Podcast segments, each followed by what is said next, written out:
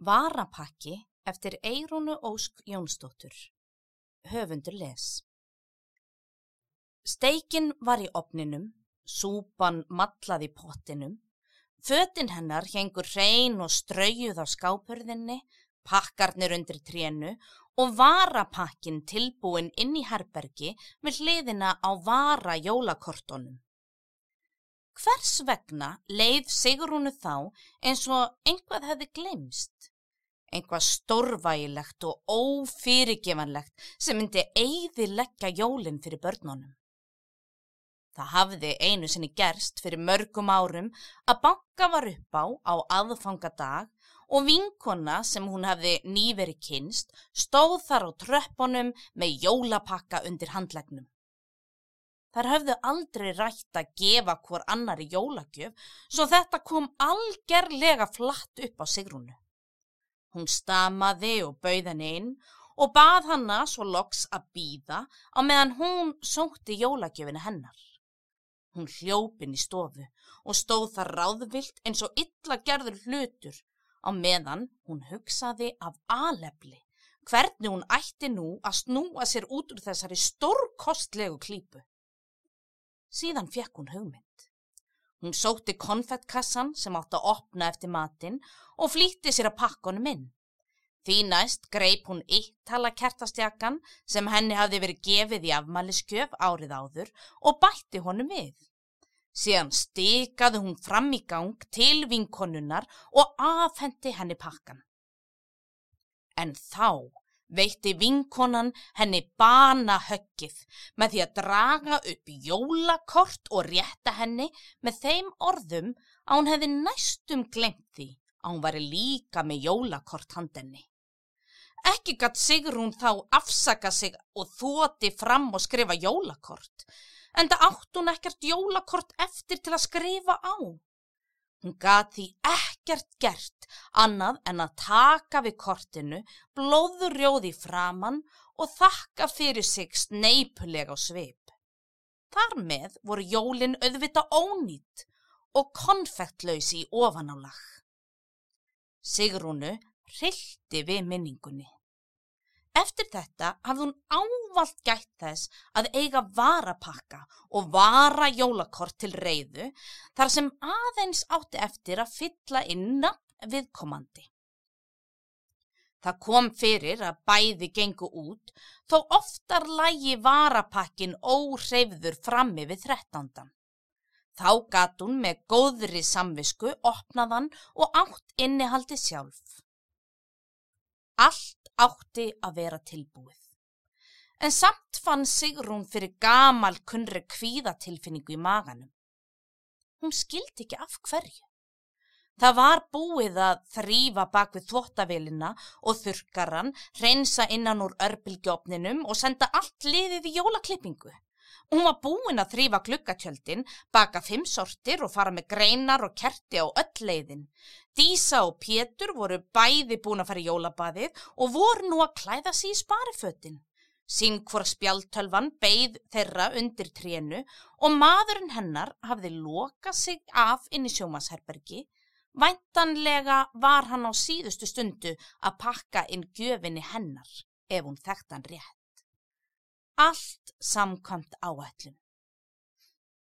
Hún andaði djúft og reyndi að hrista af sér nagandi óta tilfinninguna.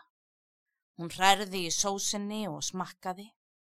Örlíti meira púrtvín og hún, hún erði fullkomnið. Sigrún rökk við þegar hún heyrði þung högg á útidrahörðinni. Engur var að banka.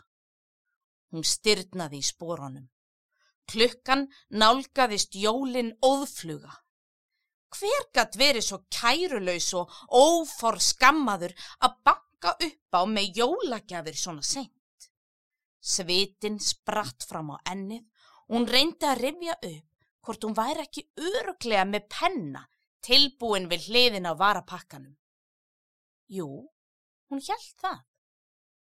Hún hertu upp hugan og gekk hröðum skrefum að hörðinni, settu upp jólabrósið og opnaði. Sigrún stærði sig gjarnan af því að það sem hún ótaðist yfirleitt til versta væri hún viðbúinn nánast hverju sem var. Fátt gæti því sleið hana alveg út af læginu. Já, það var nánast ekkert sem Sigrún var ekki undirbúin undir. En þessu hafði hún ekki búist við. Á tröppunum stóð svo allra ófrínilegasta ófreskja sem hún hafi nokkur tíma augum litið. Skrimslið gnæfði yfir Sigrúnu. Feitt tjásulegt hárið náði niður fyrir nýje.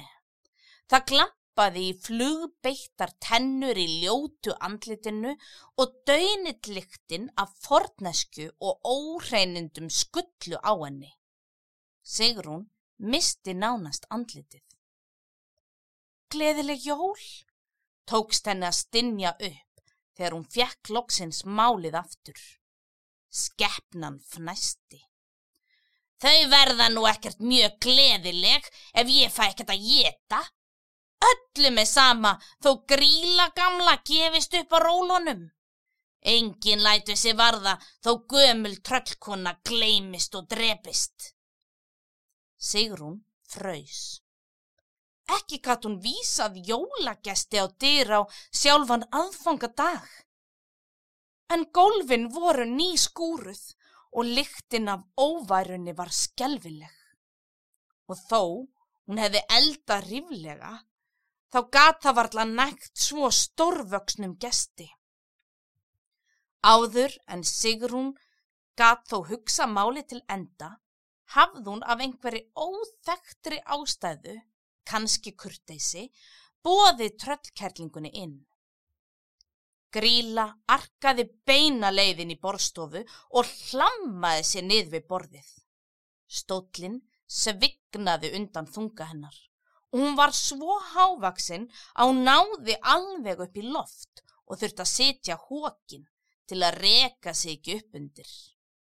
Sigrún þauðt beina leið inn í herbergi og sótti varapakkan og krótaði í auðabilið á kortinu til grílu. Síðan dæsti hún í hálgerfri uppgjöf og gekk síðan aftur inn í stofu til að mæta hinnum óbóðna jólagesti. Hér er ég með jólapakka til þín frá okkur, sagði Sigrún með uppgerðar hátíðar brosi. Bara smá lítiræði. Ég sá þetta í búðinni og hugsaði til þín. Gríla rumdi og tegði klærnar eftir pakkanum. Barnakjöt, spurðun vongóð en Sigrún hristi höfuðið og hrilti sig. Ekki er það nú svo gott, sagði hún vandræðileg, en ég vona samt að þér líki þetta. E, en eru þið ekki með jólaveistlu í esunni í kvöld? Þá vil ég ekki tefja þig um of, reyndi hún í örvendingafullri tilraun til að fá gestin til að haska sér. En gríla satt sem fastast. Nei, nú er ég aftur orðin einn. Ertu þá skilin? spurði Sigrún með vorkun í röttinni. Gríla fussað og sveiaði. Þú getur kallaða sem þú vilt. Fyrsti barnsfæður minn var Gustur, sá ónitjungur. Ég átt hann nú, hann var segur undir tönn. Annar barnsfæður minn var Bóli, Ég veit nú ekki hvað varðum hann. Ég sparka honum út þegar ég kynntist lúða. Nú er hann farin líka. Öll tröllabörnin eru vaksin úr grasi og flógin úr hreðrinu og jólasveinarnir hugsa orðið bara um sig. Kapitalísk svín í viðjum markashyggjunar. Þeir muna aldrei eftir mömmu gamlu. Láta eins og ég sé ekki til. Nú, Þegar krakkarnir fóru, sáum við lúði fljóta við áttum ekkert sameilegt lengur. Ástu hann líka? spurði Sigrún óróleg og leita á klukkuna. Nú fór að stittast í að klukkan slægi sex og gesturinn síndi ekki á sér neitt farasnið. Hvað heldur þú að ég muni það? Er orðin svo gleimin með aldrinum? Sigrún vissi að nú voru síðustu forfuð að koma kerlingunni út því það var komin tími til að brúna karteflutnar og síðan var ekkert að gera annað en að bera kræsingarnar á borðið og kveikja á aftansöngnum í útvarpinu. Jólahjálpin er viss með jólaveistlu fyrir einstafinga nú á eftir. Þú hefði kannski gaman að því að drífa þið þángað. Gríla kvesti augun. Þessar skínhelgu tebrur taka ekkert tillit til okkar sem eru með matarsérþarfir, stundi hún. Sigrúnu rann kallt vatnmiðli skins og hörns. Henni var orði morgunljóst að hún neittist til að bjóða skessun í mat. Ég skil þig. Má ekki bjóða þér að borða með okkur bara? Stundi hún og bað þess og vonaði að gríla myndi afþakka. En henni varð ekki að ósksinni. Það var í fínt. Ég nánast hungur morða, stundi kerlingin.